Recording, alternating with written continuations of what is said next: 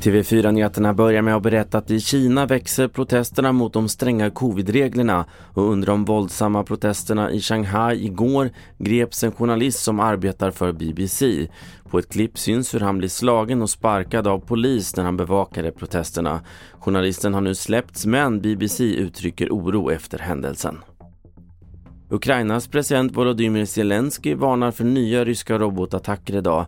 Samtidigt gör bristen på el, vatten och mat att situationen i staden Cherson blir allt mer akut. Äldre och sjuka evakueras men hjälparbetare befarar att staden Cherson går samma väg till mötes som skräckexemplet Mariupol.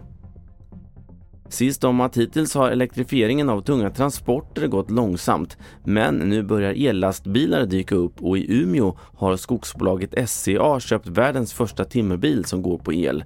Hans Djurberg är hållbarhetschef på SCA. Vi ser jättegärna att andra följer efter här och eh, först då kan vi utveckla tekniken, vi kan utveckla infrastrukturen och få dra alla växlar på det här. Fler nyheter på tv4.se. Jag heter Carl-Oskar Alsen.